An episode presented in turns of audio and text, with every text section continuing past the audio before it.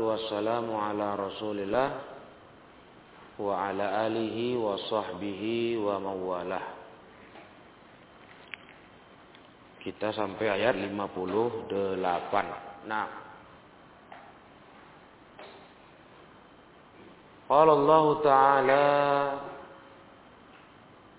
والذين يؤذون المؤمنين والمؤمنات بغير ما اكتسبوا faqad ihtamalu buhtana wa itsmam mubina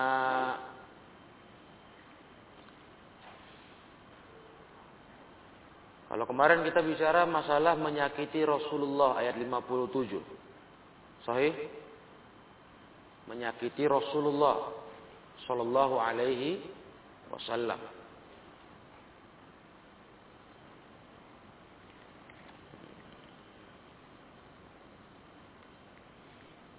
Itu ayat 57. Betul?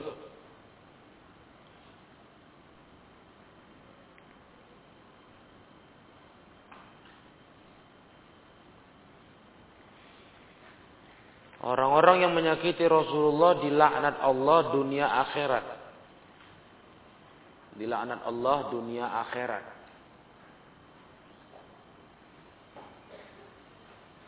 Dan bukan hanya menyakiti Rasulullah yang dilarang agama. Tapi juga walladzina yu'dzunal mu'minina wal mu'minat. Orang-orang yang menyakiti kaum beriman laki-laki dan perempuan. Biwairi maktasabu dengan apa yang tidak seperti menuduh menuduh, menjelekkan, memfitnah. Padahal mereka tidak berbuat itu. Itsmam mubina. Berarti orang-orang ini sudah melakukan buhtanan, kedustaan dan dosa yang nyata.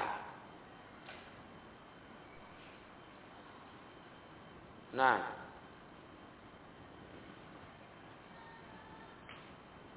Kata Syekh Sa'di wa in kanat aziyatul mu'minina 'azimah wa ithmuha 'aziman. Wa lihadza qala fiha والذين يؤذون المؤمنين والمؤمنات بغير ما اكتسبوا أي بغير جناية منهم موجبة للأذى maka menyakiti orang beriman itu satu urusan yang besar. Karena salah-salah. Menyakiti orang beriman itu urusan yang besar, dosanya pun besar. Tidak kecil ya menyakiti saudaramu. Allah Ta'ala berfirman orang-orang yang menyakiti kaum mukminin dan mukminat dengan selain yang mereka kerjakan artinya bi ghairi jinayah minhum. Tak ada dosa mereka buat itu. Itu menyebabkan kalian menyakitinya. Mujibatun lil azab. Sakit kan? Dituduh sakit enggak? Difitnah. Walaupun mungkin tak melukai fisik. Apalagi sampai melukai fisik. Wah, ya. Mungkin ada orang merasa kalau fisik dilukai lebih ringan daripada dan sebagainya yang tak tidak pernah mereka lakukan. Faqad ihtamalu ala zuhurihim. Mereka sudah menanggung di punggung-punggung mereka buhtanan, kedustaan, kebohongan. Makanya hai tulabal ilm, maka mulutmu jaga. Semua ini akhirat. Mulut yang tak kau kunci. Itu gunanya kita belajar adab mulut. Dan bahkan kita sudah dapat faedah dalam kajian tafsir malam ahad. Kita harus tasabut kalaupun ada berita. Bunyi. Menyangkut kehormatan saudaramu. Jangan kau sakiti dia dengan tuduhan, dengan cerita bohongmu, fitnahmu. Hah? Paham gak ini? Paham gak ini? Mulut jaga. Hei. Siapa tuh ya? Lihat-lihat belakang belajar, lihat orang aja. Siapa? Oh, siapa itu adik rasa itu? Ikrimah. Apalagi awak laki-laki yang biasa gitu sering perempuan. Nah akwat nih, ini akwat nih loh, tahu kalian? Mulutnya ngeri. Tahu kalian? Enak aja bilang kawan begini, begitu, begini, begitu. Mulutnya ngeri. Fakodih tamalu buhtanan tuh sering dibuat mereka, tahu kalian?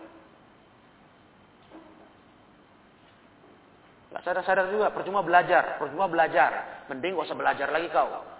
Keluar pulang kau terserah. Jadi nggak ada status santri yang dididik agama, apalagi sunnah.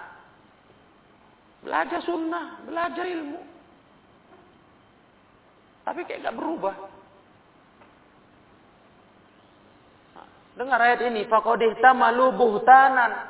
Kalian sudah menanggung di punggung kalian kebohongan haitsu azauhum bighairi sababin karena kalian menyakiti mereka orang beriman itu tanpa sebab. Dia nggak buat kalian tuduh. Itu kan namanya fitnah besar. Menyakiti orang beriman. Kalian sudah dusta. Yang lebih parah, parah lagi wa ithmam mubina haitsu ta'addaw alaihim wantahaku hurmata amrillah bihtiramiha. Kalian sudah melampaui batas atas orang beriman itu. Laki-laki dan perempuan.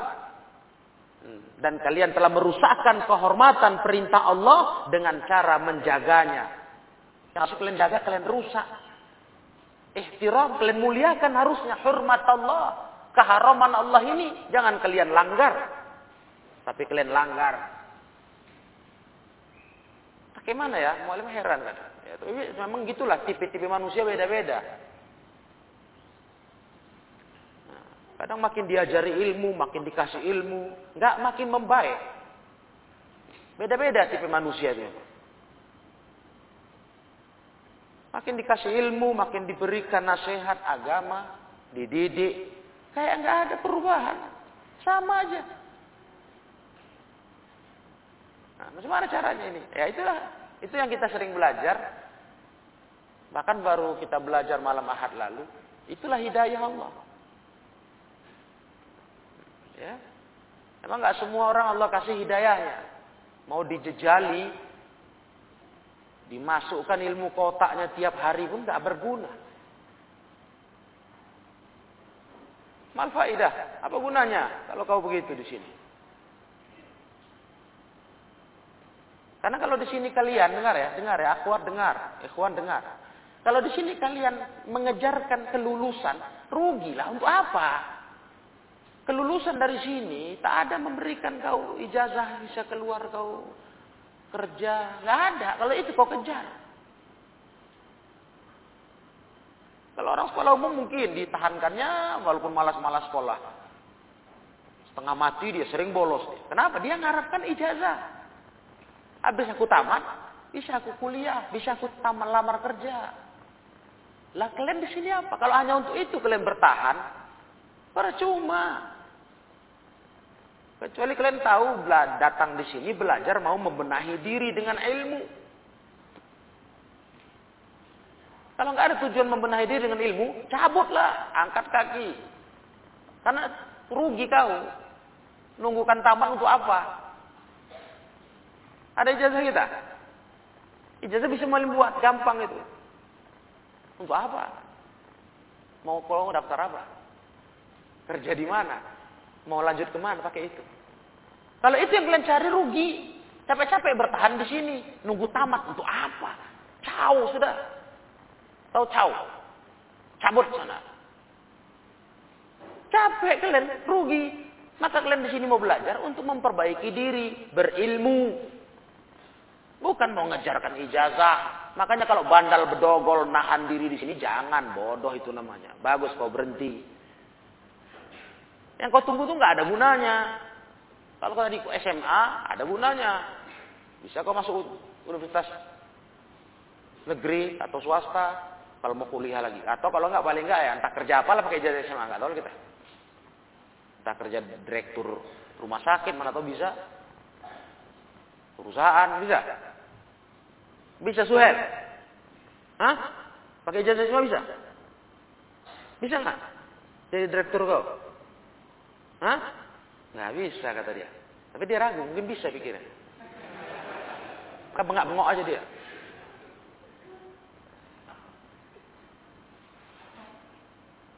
Jadi malah menasihatkan, kalau nggak bisa juga berubah lama kalian belajar. Ini salah satu ilmu yang sudah, ini bukan sekali. Dalam pelajaran akhlak ada. Nggak bisa kita menuduh sembarangan saudara kita orang beriman itu. Asal cakap tentang kehormatannya. Asal bunyi, asal tuduh. Nggak asal-asalan itu. Ini dosanya lihat. Ismam mubina. Hah. Dosa yang besar.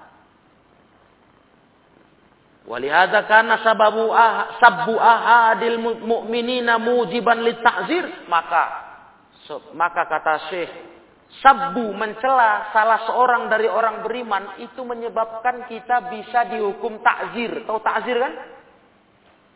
Hukuman yang diputuskan pemerintah.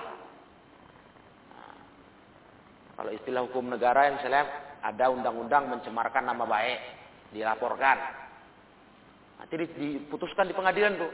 Nah, ini kasusnya berat, nah, kau penjara lima tahun, takzir, kau penjara dua tahun misalnya, pencemaran nama baik, ada. Apalagi sekarang ada undang-undang IT. Hah, jangan asal-asalan. Nanti diperkarakan orang nangis kau. Hah? Nangis kau mendekam di penjara tuh, cuma terjerat undang-undang itu. Karena salah-salah tulis di medsos. Jari kelasaan, sok ngetik-ngetik ini. Kena kehormatan orang, orang protes. Tercemar nama baik, lapor, ciduk tuh. Banyak udah kejadian. Dua tahun penjara, tiga tahun. Aduh. Itu semua ulah apa? Ulah otak nggak dipakai. Kalau orang beriman tuh mikir dulu. Bukan hanya dia takut hukuman takzir tadi, hukuman pemerintah, tapi hukuman Allah Ta'ala. Karena dalam hukuman Allah Ta'ala yang sudah pernah kita belajar, nanti di akhirat sana, kata Rasulullah, kalau kau punya dosa-dosa seperti itu, menzolimi saudaramu, merusak kehormatannya, nanti di akhirat bagaimana penyelesaiannya? Masa kalian lupa? Hadis yang sangat terkenal itu hadis apa? Al-Muflis. Kenal, ingat? Masa tak ingat? Ingat apa kalau luar kepala. Kalau ujian pandai-pandai kali dalil di, di, di kertas semua baca. Masya Allah. Apalagi hafal. Ah, lincah kali. Enggak disuruh buat dalil, buat dalil. Kalau masuk mualim mau buat dalil itu jangan capek kali bacanya pas mereka. Oh. Nanti suruh gak buat disuruh buat dalil gak dibuatnya. Afan mualim lupa Biar tahu kalian ini. Yang rajin-rajin kali itu, yang paten-paten kali itu, itu yang paling ulah otak. Pandai kali hadis, hadis muflis tulis. Oh, Masya Allah. Gak ada apa-apanya kalian, boleh. Tuh, kelas santri ikhwan. Ha, nulis nulis Arab itu kayak mana-mana masih. Aku tuh lengkap macam dia nyontek. Tapi pengamalannya nol potol. ada apa pun. Mulut paling tajam. Pikirnya gratis itu. Oh, perempuan, perempuan. Perempuan jelek ya. Bukan perempuan semua kena. Yang jelek, yang buruk. Oh, perempuan. Macam tak bisa kalian perbaiki diri.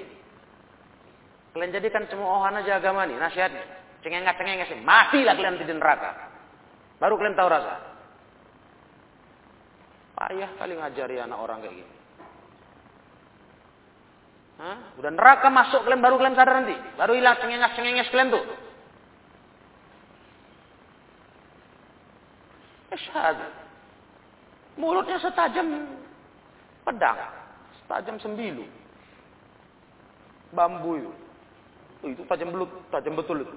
Sikit tersentuh koyak kan. Tajam. Kehormatan orang udah enak aja dirusak-rusak. Lapor sana cakap, sana cakap sini. Tapi dia tahu hadisnya orang bangkrut itu. Dia hafal. Atadruna manil muflis? Tahu kalian siapa orang bangkrut? Tulisnya. Orang yang datang menghadap Allah dengan pahala solat, puasa, sodakoh, semua.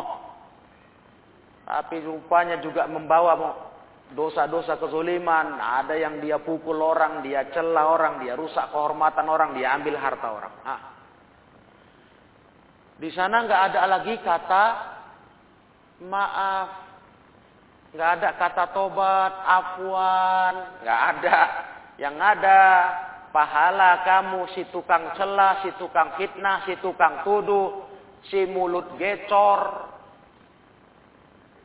Diambil pahalamu, dikasih ke korbanmu.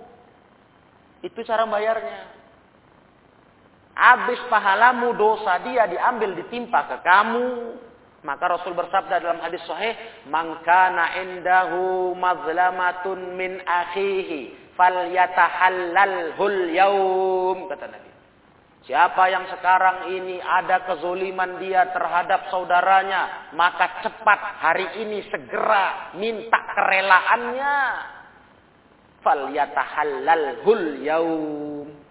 Sekarang Minta kerelaannya sebelum datang hari di sana la dirhama wala dinar. Gak ada guna dirham, gak ada guna dinar.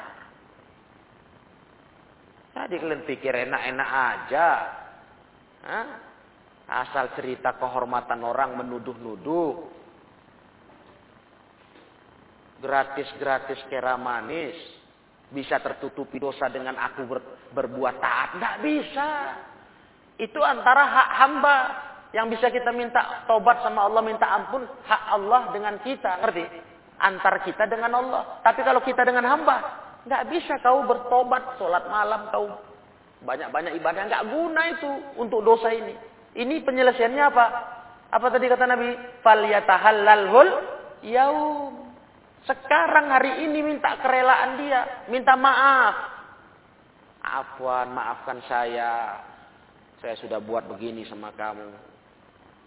Begitu. Dan itu orang paling payah melakukannya. Tahu lihat.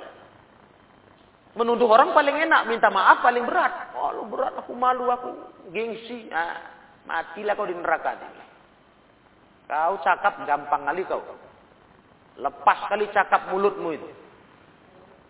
Tiba disuruh minta kerelaan. Tak mau kau.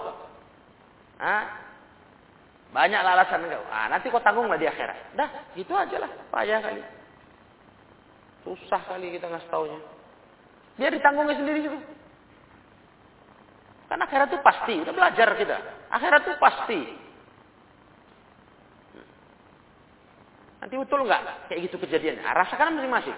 Sekarang suka-suka hati kau lah cakap, banting kau lah sudah. Nah, cuma mulai menasihatkan, sebenarnya salah tempat kau di sini. Hah? Salah tempat kau. Ngapain kau bertahan? Toh kau nggak mau berubah diri dengan agama yang mulia ini. Ngapain kau bertahan? Menunggu ijazah. Nggak guna. Nah. Kalian yang mau bertahan ini kan mau cari ilmu agama, mau merubah diri, merubah tabiat jelek, merubah akhlak. Kalau mau, mau bertahan di sini nunggu ijazah untuk apa? Malah nggak keluarkan malah. Tidak ada gunanya itu. Yang bisa kalian pakai nanti untuk melanjutkan kuliah, ijazah, ujian, paket. Betul kan? Nah, itu. Ya, jadi maka dari awal masuk mondok mulai tanamkan kalian apa tujuan kalian di sini? Niatnya apa? Nah, kalau salah niat, percuma. Ya rugi-rugi aja. Di sini malah terkekang, tertahan, terlarang, terhukum, tingkah buruk busuk otak kalian. Bagus lari dari sini pergi, puaskan di luar sana. Mau jadi hantu, mau jadi gendruwo kau, mau jadi setan, suka hati, nggak ada yang kontrol. Dengar semua ikhwan, santri. Hah? Jadi kalau kau bertahan di sini untuk apa? Kalau nggak mau berubah diri, coba sadar kau dulu. Bikin sakit kepala kami ya ulah-ulahmu itu. Tingkah-tingkah busukmu itu. Bagus kau angkat kaki. Di rumah kau bebas. Mau telanjang kau di sana. Jalan kau di pasar telanjang suka aji. Nggak urusan kami lagi itu. Nggak ada cerita kami. Mau berjoget kau, bernari, nari, nari kau, telanjang bulat kau sana. Suka hati, nggak urusan kami itu. Karena kami nggak bisa lagi menasihatimu. Kau sudah lepas dari sini. Sudah kembali ke orang tuamu. Itu urusan urusan orang tua lagi. Allahul Musta'an. Udah kan paham kan cara pikir yang Walim tawarkan kalian? Kalau kalian mau bertahan di sini belajar terus demi mencari ilmu merubah diri, ah, baru cocok. Baru cocok sampai tamat aku. Cocok. Ah, tapi kalau nggak bisa merubah diri, untuk apa? Rugi. Nanti tamat pun di sini nggak ada dapat apa-apa kau dari sisi ijazah itu. Karena di sini bukan itu targetnya. Keliru, makanya dari awal orang daftar, nah, kita bilang, kami nggak ada ijazah ya, Bukan target kami ijazah. Kami mau didik anak orang jadi soleh, solihah. Oh gitu Ustaz? Ya. Kalau mau ijazah juga, nah, nanti ujian paket. Ada di sini disediakan. Mana tahu namanya orang kepingin lanjut kan? Anaknya masih, masih mau belajar, umur masih muda. Ah, ya harus pakai itulah caranya. Di sini tidak untuk itu. Beda kalau kalian sekolah umum, SMP, SMA, nah, targetnya ijazah itu. Target itu, lulus, keluar ijazah. Nah, itu, bagi paham-paham dulu. Hah? Coba cek lagi niatmu. Sebelum lama kali kau bertahan di sini tapi tak bisa dibenahi. Ya, di sini kita mau melatih diri jadi orang yang takut sama Allah. Berubah takut sama agama ini. Dilanggar takut. Termasuk inilah dia takut dengan mulut-mulut jelek yang menyakiti orang lain orang beriman. Padahal orang nggak buat kalian tuduh. Asal bunyi aja. Menyangkut kehormatan orang lain. Jangan.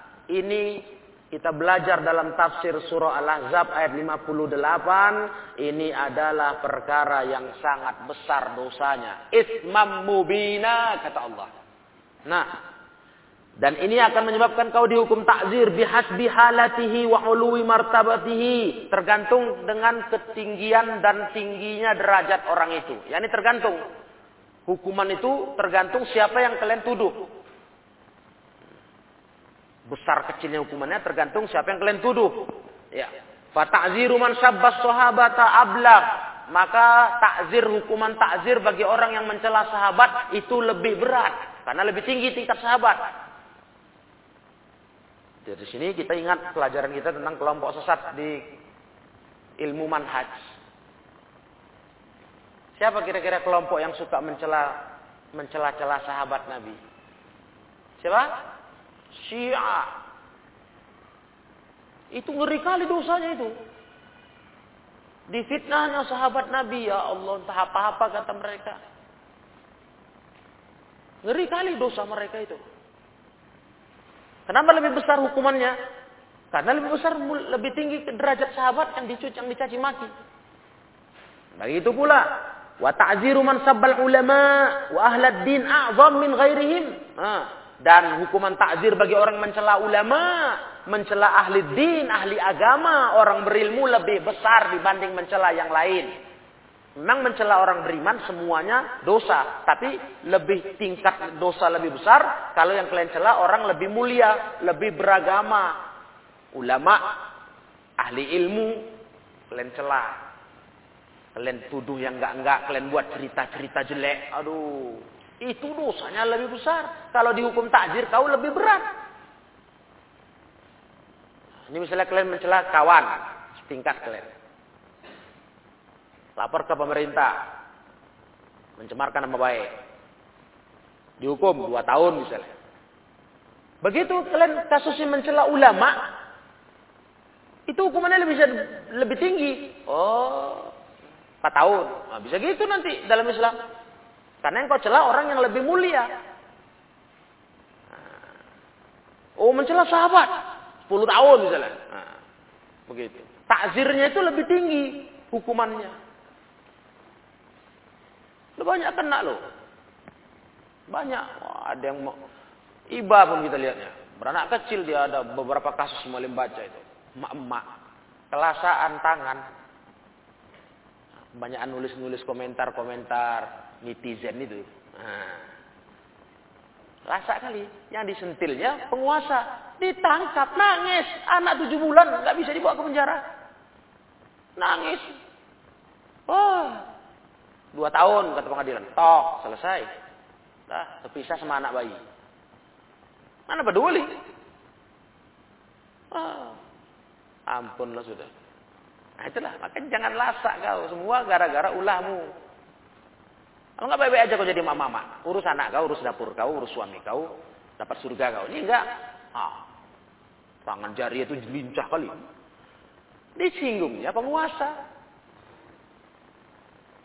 Hah?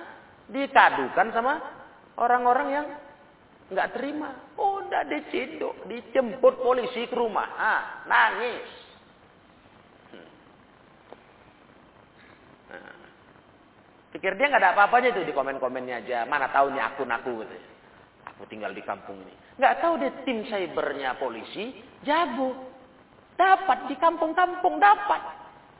Datang mobil patroli polisi. Hah? Ibu si Fulana, Fulana ya.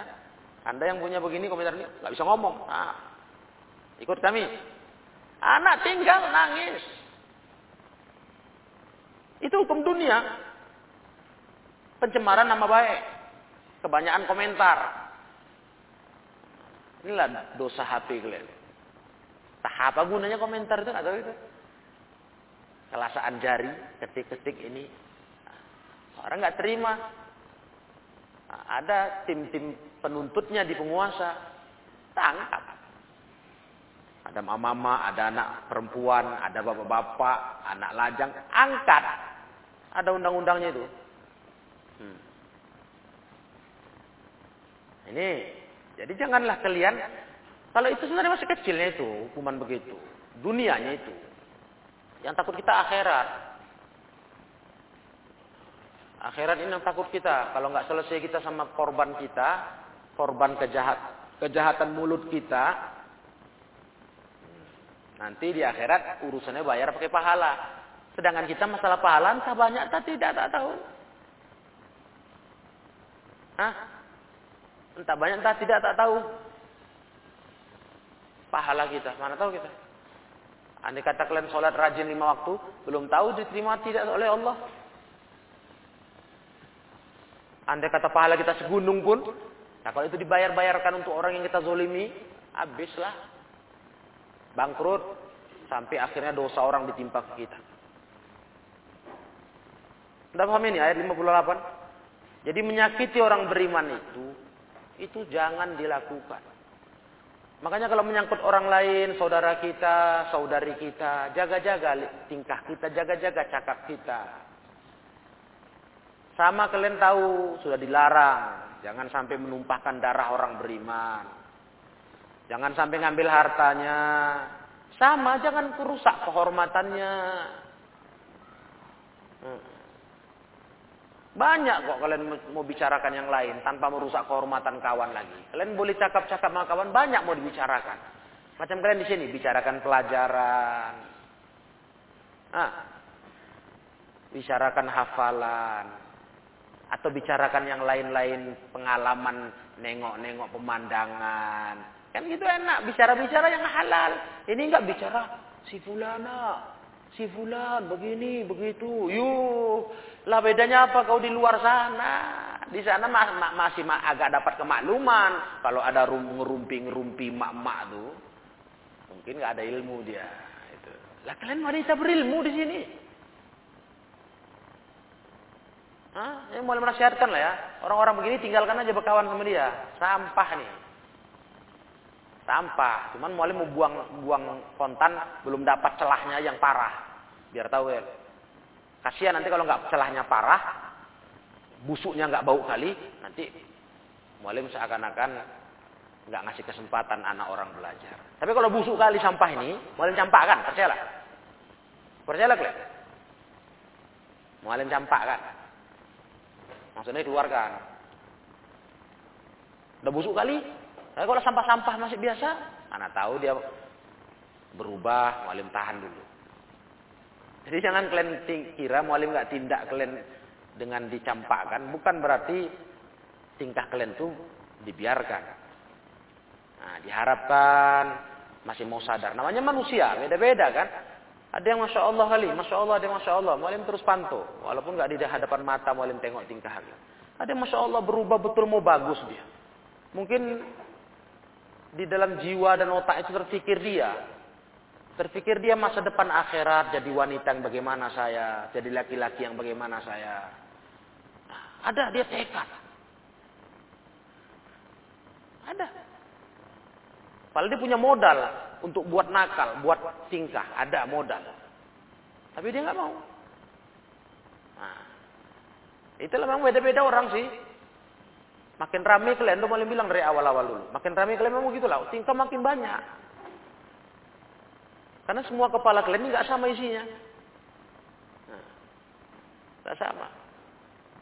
Ya.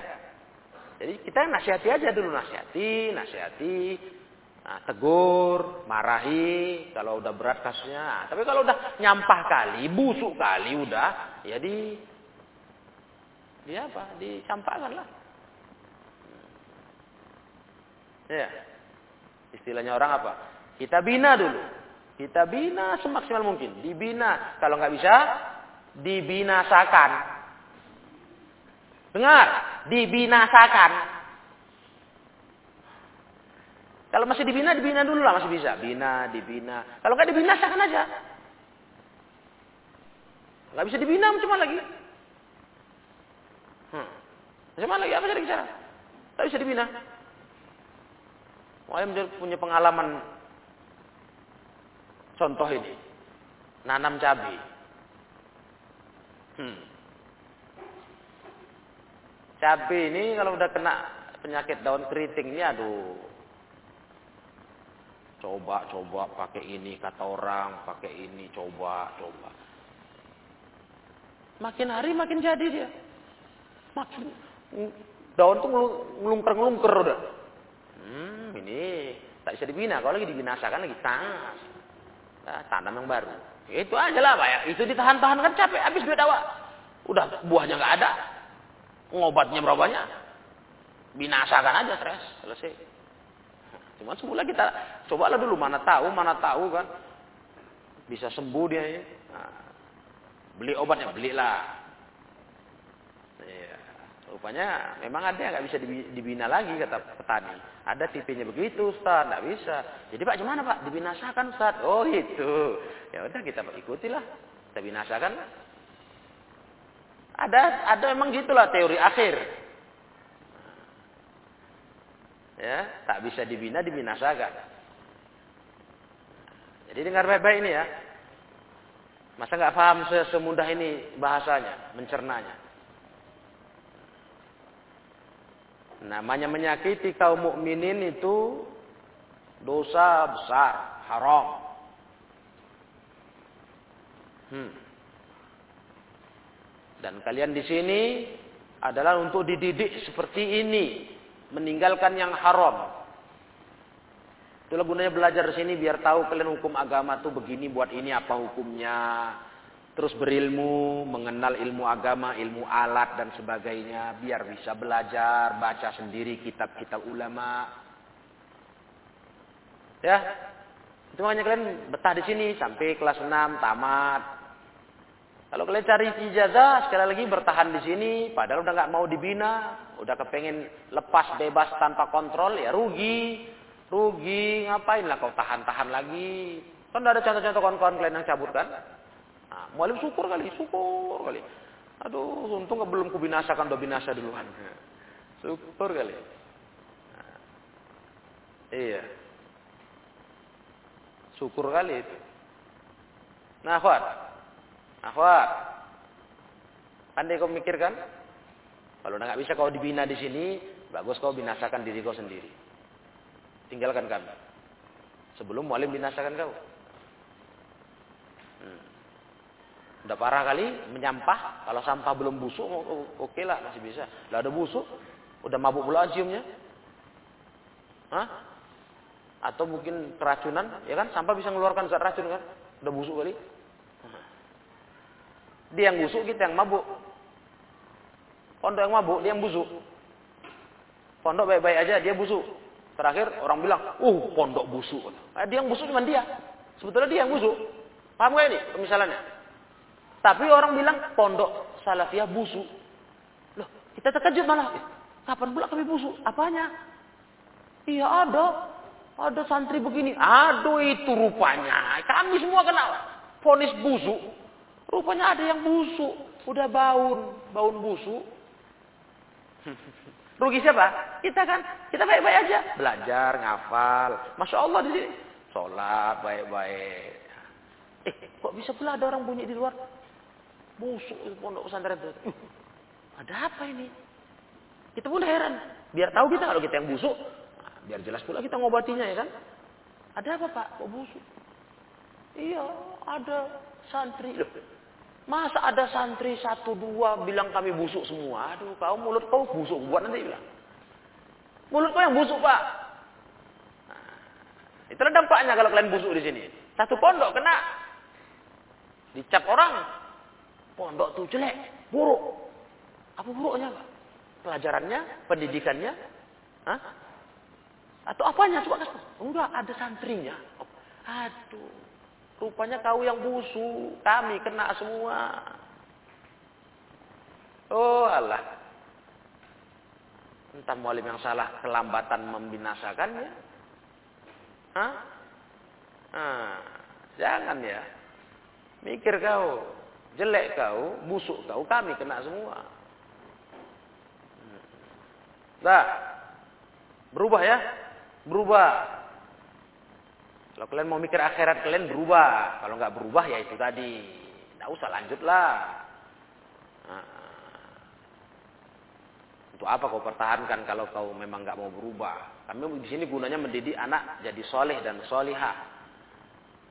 Tahu agama dia. Jadi kalau lepas dari pondok ini jangan liar dia di luar. Jangan liar. Dia tahu batasan syariat. Ada pagar. Ada pagar. Ada waktu sholat dia nggak terlambat. Dia nggak nggak melewatkannya. Ada ilmunya, pagarnya, gitu. Ada tawaran minuman keras, memabukkan dia tolak. Tahu haram. Ada tawaran riba, mau kau nanti. Misalnya kau udah tamat, tawaran datang orang. Ah, kau mau modal? Biar kau ada usaha, biar jaya kau, biar kaya, jangan miskin terus. Ada modal nih. Oh ya berapa? Oh sekian puluh juta. Tapi bunganya lima persen. Ah dia tolak. Karena udah belajar riba haram. Gitu. Gitu mau mualim di sini kalian terbentuk. Ada ilmu magari kita dari dosa. Kalau nggak ada ilmu, ah, jangankan ditawari, dicari-carinya lagi pinjaman itu, yang riba-riba itu. Jangankan ditawari, dicari-carinya, Cari lintah darat, rentenir, cari bank, agun Surat-surat tanah diagunkan ke bank. Jaminan biar dapat modal. Nah. Itu umum itu. Umum sekarang kayak gitu. Makanya banyak rumah orang tak ada surat tanahnya. Kenapa di mana? Di, sekolah kan ke bank kata orang. Di sekolah kan. Di bank itu jaminan untuk untuk pinjaman ribanya. Nah, kalian dengan ilmu ke depan nanti kalian digoda itu kalian oh afwan, maaf. Saya tak mau. Kenapa kalian takut dosa riba? Itu gunanya belajar. Kalau nggak gini kalian mana tahu? Mana tahu kalian? Kalau nggak belajar di serius gini. Dan banyak lagi yang lainnya urusan agama, ya. Banyak lagi. Nah, termasuklah kalau kayak perempuan. Nah, supaya kalian di luar sana bisa ngerti. Datang tawaran, datang godaan untuk buka aurat. Kalian tidak mau. Karena urusan aurat ini urusan wajib dijaga, haram dibuka. Udah berilmu aku. Ah. Kan itu tujuan belajar kita. Ya. Ini kalau untuk akhwat nih. Bukan nggak mungkin. Namanya kau pulang di duniamu, di lingkunganmu. Nah, Udah mulailah kawan, saudara, sepupu, nah, buka aurat. Tergoda lah kita. Namanya udah terbawa suasana kawan. Nah, kawan itu kan pengaruhnya kuat. Nah, mulailah. Nah, terakhir kau telanjang lagi. Kalau nggak ada ilmu kau nggak bisa kau nahan nahan diri tuh ngerim. Kalau ada ilmu, oh tidak, gara-gara ngikutin selera orang-orang ini aku masuk neraka. Ah, jadi bahan bakar api neraka. Ini haram dibuka, kan gitu. Ngerti nggak? Dan yang lain laki-laki. Malah menginginkan gitu. Ada godaan isbal celana di bawah kaki, di luar sana pula. Ah, udah ada pagar kalian. Eh, ini haram ini. Hei jiwa, hei diriku ini haram. Kenapa kau mau tergoda buat haram? Untungnya nggak ada, dosanya nyata di neraka. Hah? Kata Rasulullah di bawah semua di bawah, di bawah mata kaki di neraka untuk apa? Ada pagar kalian. Kalau nggak kalian lewat aja lah. Nggak usah kalian, kalian belum tamat aja. Sekarang aja kalian pulang. Walim kan tahu. Bukan walim tebak-tebak dukun-dukunan. Orang tuamu lah lapor. Itu aja belum bisa kalian jaga. Urusan kayak gitunya. Oh dengan bangganya kalian tak kayak mana kerennya nggak tahu dipandang dari kacamata mana. Entah dipandang dari Gunung Sitoli. Nengok kalian di sini baru ganteng mungkin pakai celana bawah kaki. Dari Gunung Sitoli. Nah, jauhnya. Mulai heran, dilanggar masih itu, yang haram itu. Pikirnya ini peraturan pondok apa? Nah, anak ikhwan. Tidak usah mulai sebut namamu di sini. Ngeluh orang tuamu, gimana lah Ustaz? Ya gimana Pak? Di rumah cemana kan mau ngapainnya? Di pondok udah kami didik. Ya peran antum lah lagi orang tua. Tegaslah. Jangan kasih hati. Nanti dia yang sengsara. Makin dewasa dia, makin gak bisa dia rubah itu. Nah. Itulah contohnya. Kalian udah belajar nih, apalagi yang gak belajar tuh. Macam mana mau dia tahu? Mau dia berubah, ngangkat celana mata kaki. Kalian udah belajar nyantri. Lain langgar lagi dengan gaya-gaya gagahnya itu. Yang lucu lagi, mujahirin lah deh. Hah? Mujahirin tau kan? Terang-terangan pameran. Maksud pameran gimana? Ah, cepret selfie, kirim ke medsos sama kawan. Keren aku kan? Eh, lah lah. Kau jadi bahan bakar api neraka kok keren. Alah, alah, bodohnya otak kau. Kau tuh di neraka kata Nabi. Kullu mama tahtal ka'baini fahuwa finnar. Cepret. Karena aku kan. Hmm, astagfirullahaladzim. Aduh. Ya Allah. Tahdi man tasya wa tudillu man tasya. Malam itu dalam hati tiap dapat kabar-kabar itu. Memang kau yang memberi hidayah Allah yang kau mau yang kau juga yang menyesatkan yang kau mau. Tahdi man tasya wa tudillu man tasya.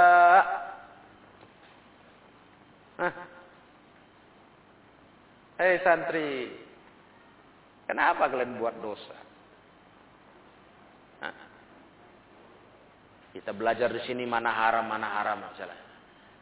Ah, rupanya ada laporan. Aduh, aduh, aduh, aduh. Kembali mendengar ya. Eh, eh, eh. Ah.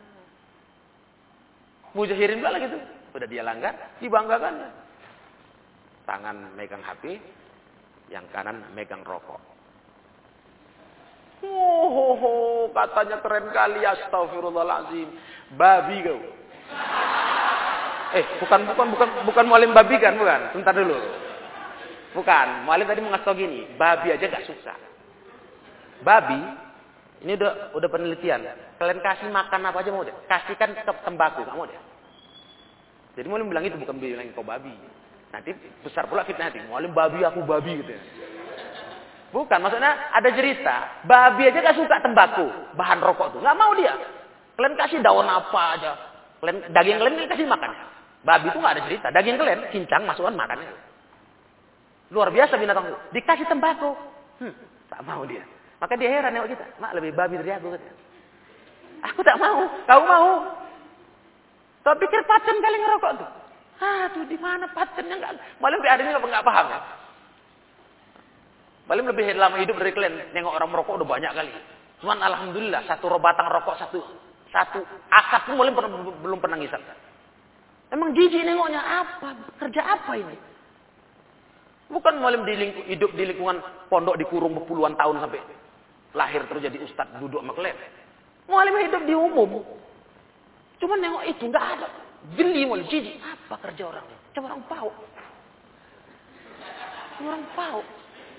Diisap dibuang, isap buang, isap buang. Bagus kok telan telan. Nah. Ada santri laki-laki posting. Malim tahu. Tobat kau.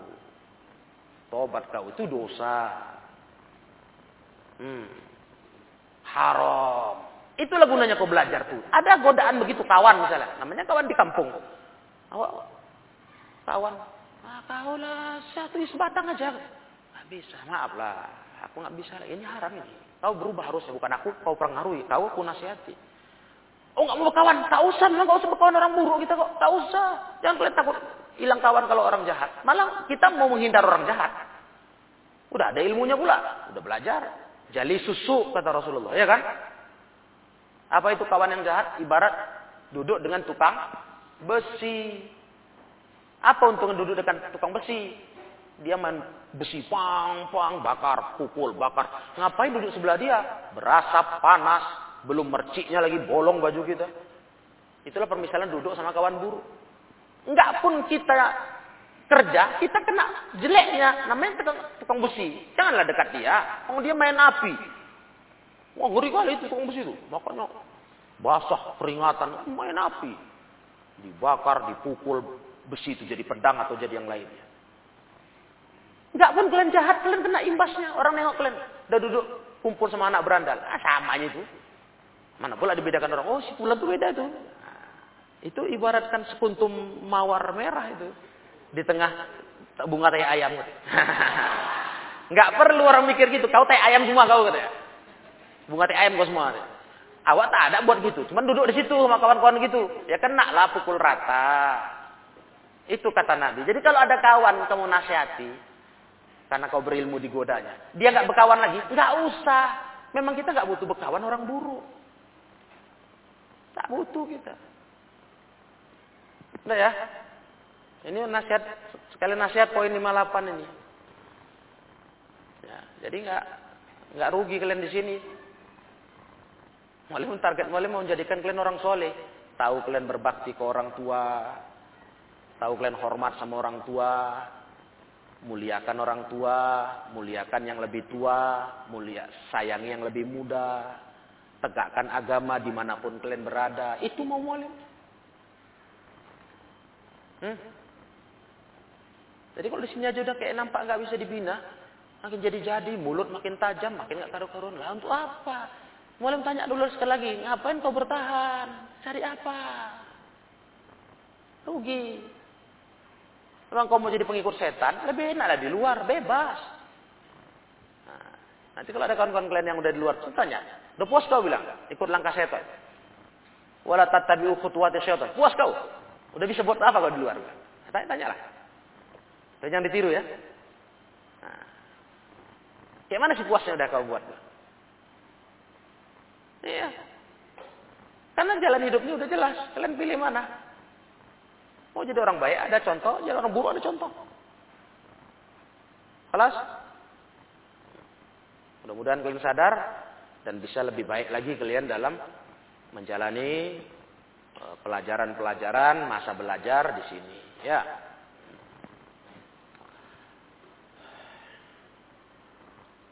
Kemudian ya ayuhan nabi qul li azwajika wa banatika wa nisa'il mu'minina yudnina 'alaihinna min jalabibihin.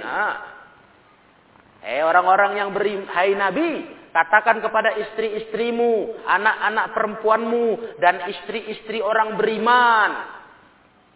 Julurkan atas mereka jilbab-jilbab mereka.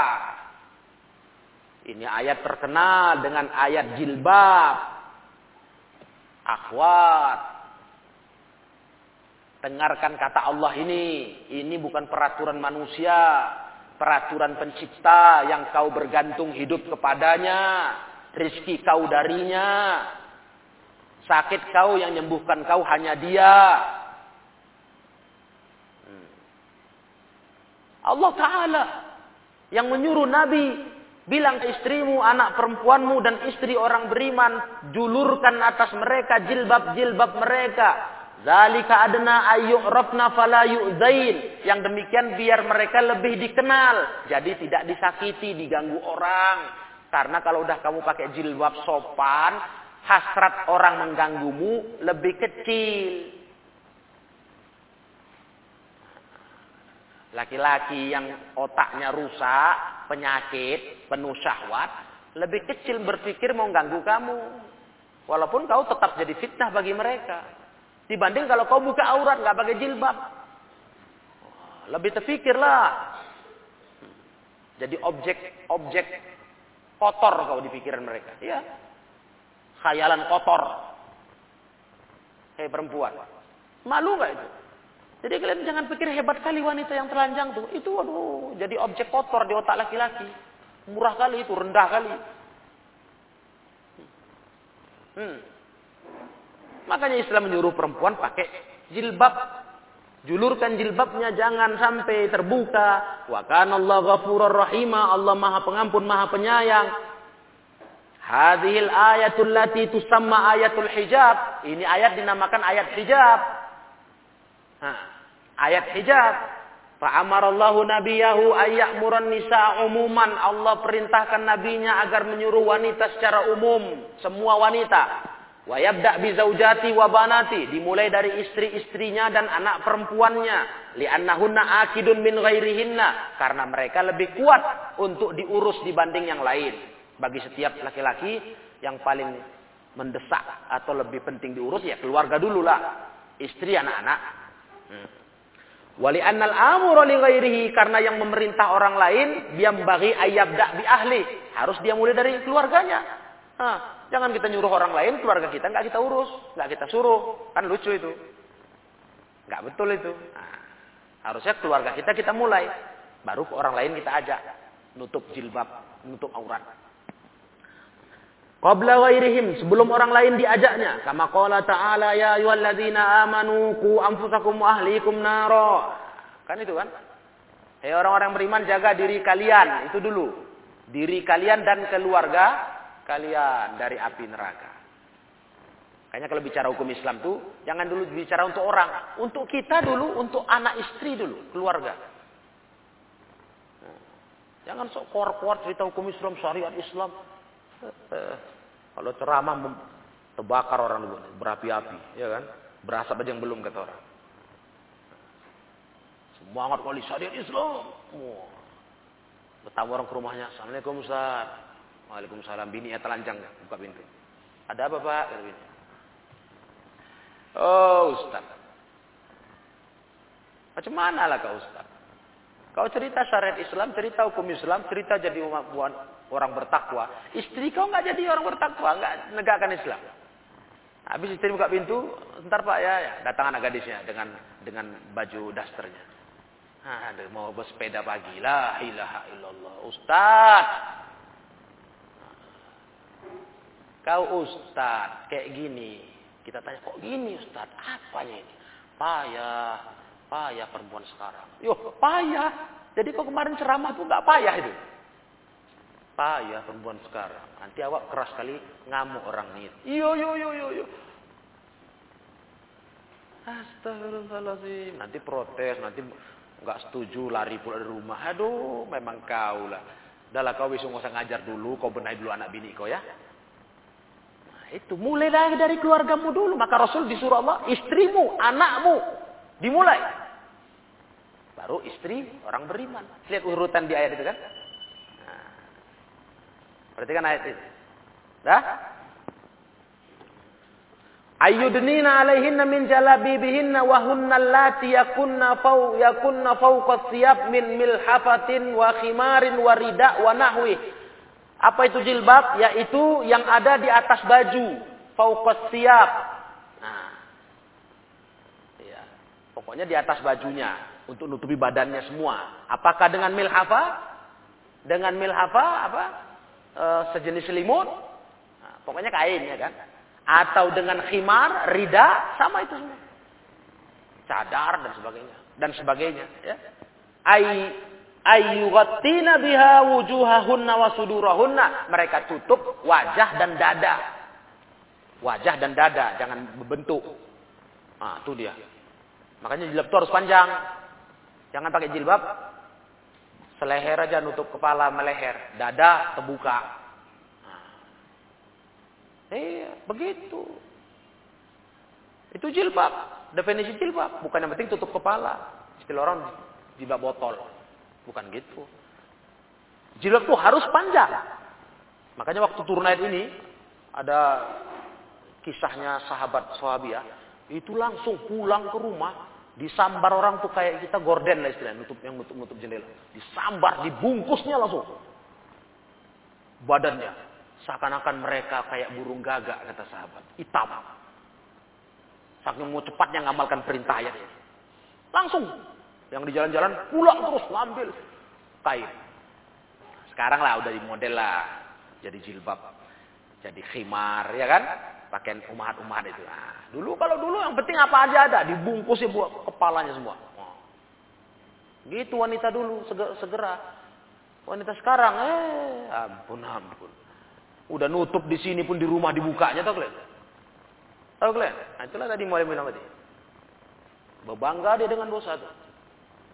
Selfie dia buka jilbab. Hmm? Tanpa malu, tanpa risih, tanpa hina, dia bagi ke laki-laki. Kalau yang tadi buat gitu artis yang memang udah telanjang kian hariannya, biar aja lah. Memang begitulah dia kelasnya. Hah? Tubuhnya itu memang dinikmati orang banyak, semua mata orang. Nah, itu biar aja, dia dunia dia gitu. Lah kalian kamu wanita muslimah baik-baik. Mutahajibat, mutajalbibat. Kalian tutup aurat kalian, keseharian kalian. Nah bisanya di rumah kalian buka. Kalian selfiean. Bangga kalian bagi-bagi. Aduh ke mana udah otak kalian. Astagfirullahaladzim. Aduh. Bagi kami laki-laki, hei perempuan, dengar. Kalau untuk cari nengok perempuan nggak pakai jilbab, ngapain nengok kau? Banyak kali yang cantik mulus-mulus, bening-bening. Nengok kau sakit mata. Ngapain nengok kau kalau laki-laki mau kogoda? Nggak perlu. Nggak perlu laki-laki nengok kau. Yang bening-bening banyak. Kalau mau cari yang begituan ya. Istilahnya di mana bangga kau? Malu lah harus, ih awak perempuan tertutup, berhijab.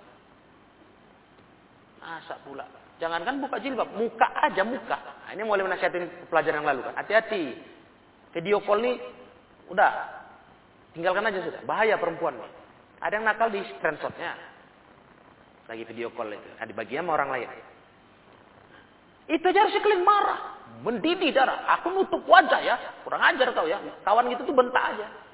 Gak perlu lagi aku cakap sama kau lagi. Untuk telepon-teleponan ini. Hah? Aku ini wanita muslimah baik-baik, nutup hijab aku. Diam-diam kau curi gambar aku dengan video call, kau bagi sama kawan-kawan kau. Dibagi ke ikhwan. Nah, Malim tahu. Si ikhwan meriah kali lah. Oh ini dia. Ini. Eh, jelek itu. Mau nengok perempuan cantik banyak kali. Ngapain nengok itu kalau mau cari dosa kalian? Nah, belum lagi kita tahu mutu otaknya. Rupanya on-on. Dongok-dongok, nol, ujian nol. Alah, alah. Tadi mana daya tariknya? Nah, ini udah rusakan, masih di pondok loh, masih nyantri.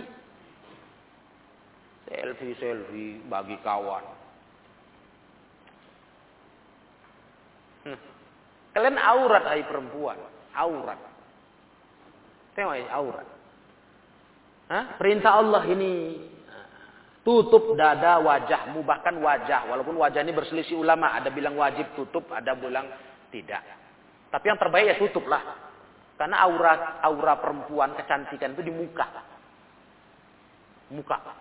Mau bagus bodimu, tubuhmu. Kalau muka kau jelek, orang ah, buang muka terus. Nah, ketipu dari belakang. Ma, mantap nih. Balik dia astagfirullah. Udah lari laki-laki. Nah, itulah fitnah muka. Jangan sepele kalian. Ala wajah aja kok. Jangan sepele. Itulah fitnah perempuan. Nah, jadi akhwat. Yang terbaik itu tutup muka. Tapi aku wanita, aku kepengen pengen menawan, yaitu fitrah perempuan, pengen berdandan. Nanti sebentar lagi nggak lama kau mau nikah, kau kan akan nikah. Sekian tahun lagi umur nikah, ada jodohmu. Ah, berdandan aku cantik-cantik depan suami. Buat dia betah sampai nggak keluar-keluar rumahnya. Kan begitu. Terus kau punya anak, ah, dandan kau depan anak-anak kau. Ah. Sementara ini depan, depan orang tua kau. Di rumah tuh pulang, nah, buat mata orang tua enak, enak, enak nengok kita. Rambut terapi, ini rambut acak-acakan kayak orang habis apa kena angin topan. Nah, ini penyakit akut nih. Asik kena marah uminya aja. Rambut kau ikat. Kalau mau berdandan kau di rumah, rambut rapikan, bedak mukamu. Silakan, ada tempatnya. Jangan kau kasih sama laki-laki yang memang syahwatnya itu jelek. Jangan kau tontonkan. Akhwat, nalar nggak kau? Hah? Ada lagi otak malu kau sampai mau kau buka jilbab kau, kau buka leher kau. Kalau cuma perempuan, aduh nggak usah kau kami tengok. Ngapain nengok perempuan cantik? Kau nggak cantik. Yang pelacur tuh banyak kali di luar sana. Banyak kali yang pelacur tuh. Hah? Dia buka semua badan benar ada. Memang itu kelas pelacur-pelacur yang hina. Masa kalian mau kayak gitu? Awak belajar agama, belajar ilmu, besarnya dosa buka aurat. Jangankan buka aurat gitu, pakai baju aja kalian ketat, nggak membentuk aurat, nggak nutup aurat, itu nggak dapat bau surga. Masa lupa? Apa hadis ibunya? Wanita yang gimana itu? Kasiatun ariat, berbaju tapi kayak telanjang karena ketat. Itu aja kata Nabi nggak dapat bau surga. Macam mana kau bukakan kulitmu? Ini mau nasihat ini karena mau kasihan. Ya, kalian di sini dibuka pondok pesantren akhwat untuk didik kalian jadi wanita yang berharga, mulia. Nanti punya suami jadi wanita soliha, langgang rumah tangga. Ini enggak. Tak belajar agama, bahkan yang udah belajar aja pun rumah tangga sebentar udah bisa. Orang besem, besere, beserak belajar nggak nggak sampai ger, sampai sampai kelas kata orang sampai gerbang mondok nih mantan santri ya sampai gerbang bilang nggak masuk kelas Cemana itu itu yang udah belajar macam mana yang belum nggak tahu lagi kita nah, jadi nasihat betul lah untuk akhwat-akhwat nih ya masalah jilbab ini harus kalian tuh malah nangis kalian dipaksa buka wajah apalagi saya buka jilbab Tersiksa kalian, nangis kalian. Merasa hina. Bukan malah senang-senang happy-happy sama kawan bagi-bagi foto. Hati-hati, kalian pikir bagi sama kawan perempuan misalnya. Siapa perempuan ini otaknya nggak mungkin sebaik kalian mungkin. Ah, dimanfaatkannya. Oh, ini kau ya. Kukasihlah kau sama abangku. Hah? Dia tahu abangku siapa kau. Aduh, ya Allah ya Rabbi. Ya, ini mulai nasihat betul nih. Dengar baik-baik. Masih selagi selagi kau masih mau merubah diri, mau sadar, mau malu sama Allah. Kalau nggak ada lagi malu kau, ya sudahlah. Terus apa lagi? Apa hikmahnya? Tsumma dzakara hikmat dzalik. Dzalika adna ayyurafna fala yu'zain. Yang demikian biar mereka lebih, lebih dikenal, nggak disakiti. Dalla ala wujud wujudi aziyah illam yahtajibna Wa dzalika li annahunna idza lam yahtajibna rubbama dhanna annahunna ghairu afifat. Ah, betul. Hikmahnya apa? menunjukkan ada gangguan kalau mereka tak berhijab. Karena kalau mereka tak berhijab, nanti akan diduga mereka bukan wanita baik-baik. Ghairu afifat. Afif, afifah, afifatun itu wanita yang jaga diri. Wanita baik-baik lah terjemahan bebasnya. Ya, gimana orang mau mau nggak menggoda, nggak men, menjagi, menjahili? Lah kau telanjang, kau pamer badan. Tentu orang kira, ah ini pelacur ini orang. Ya, bisa dibayar nih. Nah, kan gitu jadinya. Gairu afifat, bukan wanita baik-baik. Cuma wanita, wanita baik-baik kok. Aurat dipamerkan di, di video, di foto, di jalanan. Cuman orang pikir, pikir kau wanita baik-baik. Ah ini wanita murahan ini, kata orang. Ah, wanita bookingan. Pelacur itu kan gitu, bookingan. Iya. Itu kan tanya orang, berapa kau semalam? Hmm. Baru tahu diri kau. Baru kau tersinggung. Entah kau kesenangan. 20 ribu. Astagfirullah. Memang kau perempuan hina kau. Uh, lihat hikmahnya, jangan kau diganggu. Jadi kau nggak dikira perempuan murahan, maka pakai hijab. Nah, Fayata'arad lahunna min fi man fi qalbihi marad. Akan tertarik ke mereka orang yang di hatinya ada penyakit. Fayu'zihinna wa rubbamastuhina bihinna. Maka akan disakitinya kalian nanti hai perempuan. Dan kadang-kadang mungkin dihinakannya, direndahkannya. Hmm. Iya bisa jadi seperti itu. Disepelekannya kok. Makanya zaman sekarang kadang wanita bercadar pun, bercadar, jelas yang untuk badan. Ada orang usil, Tolak fitnah perempuan. Usil mulutnya. Gimana kau dalam kondisi kau buka aurat? Jangan terus berpikir, alah bercadar pun awak diusilin. Gak gitulah. Yang pasti kau udah nutup aurat, menunjukkan kau wanita mahal. Nggak sembarang orang bisa nengok aku. Udah jelas ya? Nah, nggak diganggu kau lagi. Wa dhanna annahu ima, annahunna ima'a. Sampai-sampai ada orang yang menduga dikiranya kalian budak, budak perempuan. Ima. Ah, budaknya ini kalau zaman dulu kan masih ada budak. Ini bukan wanita merdeka, ini budak ini katanya. Ya. Fatahawa nabihin nama yuridu syarra, maka akan bermudah-mudah terhadap wanita yang buka jilbab itu orang yang mau buat jahat.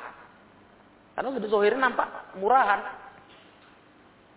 Gampangan kata orang. Wanita gampangan. Hmm. Fal ihtijabu hasimun lima tomi'it tomi'ina fihinna. Maka hijab itu menutupi matomi. Apa, selera-selera orang yang tamak, tomi. Ya, yang selera. Yang berkeinginan atas wanita itu. Nah, terjaga dia insya Allah. Tertutupilah. Paling-paling yang usil-usil tuh itu sebenarnya mereka ini apa? Dengki aja nengok kalian. Kalaupun ada yang musil berani gitu.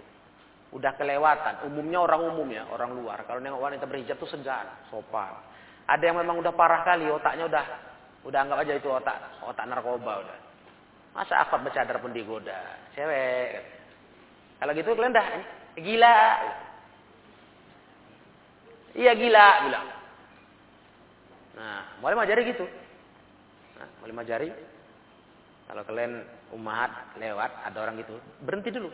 Eh gila, mau apa kau? Biar dipegangnya. Dipegang dalam arti dia sentuh, biar bisa enak kita gebukinya setelah itu. Baru kita datang, laki-lakinya. Hmm. Jangan lari aja, jangan ketakutan, berhenti. Ada apa gila? Bilang. Kalau dia ngejek-ngejek kalian. Kalau lewat di kalangan mereka jalan. Nah, tantang aja, ada apa kau? Mau apa kau? Bilang. Berani dia nyentuh, berani dia nyakitin, nah baru kita terjun. Nah, biar tahu pula dia. Lama kali tangan ini nggak kena gigi kau bilang. Hmm. Mau main tangan kalau perempuan ya. Nah, gitu. Ya kan? Nah, jadi itu terlalu itu orang udah nggak waras itu. Normal orang segan nengok wanita berhijabnya sopan orang. Itu orang normal. Nah, kalau ada yang udah kayak gitu kalian nekatnya udah itu nggak normal gila itu. Gila lawan gila aja udah. Mana berani nyentuh kita? Nah, berani dia main tangan, putuslah dia. Ya. Nah, tuh dengar ya?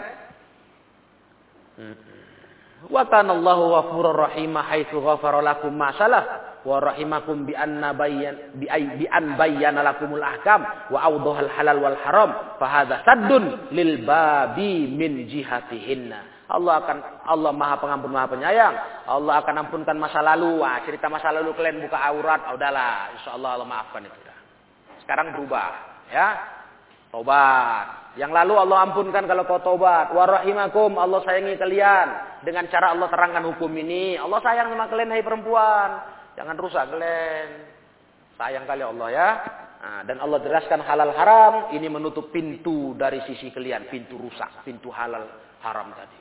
Supaya jangan masuk orang melalui diri kalian. Dah. Tadi dua ayat ini syarat penuh dengan nasihat secara khusus untuk santri semua. Ya, dari akhlak, dari pakaian.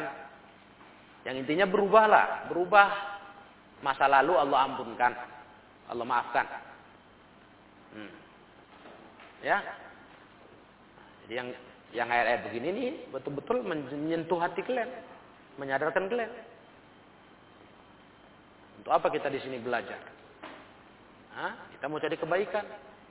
Kita mau berubah diri. Paling enggak kalian di sini terlatih lah, terlatih dengan lingkungan baik. Iya. Wallahu a'lam.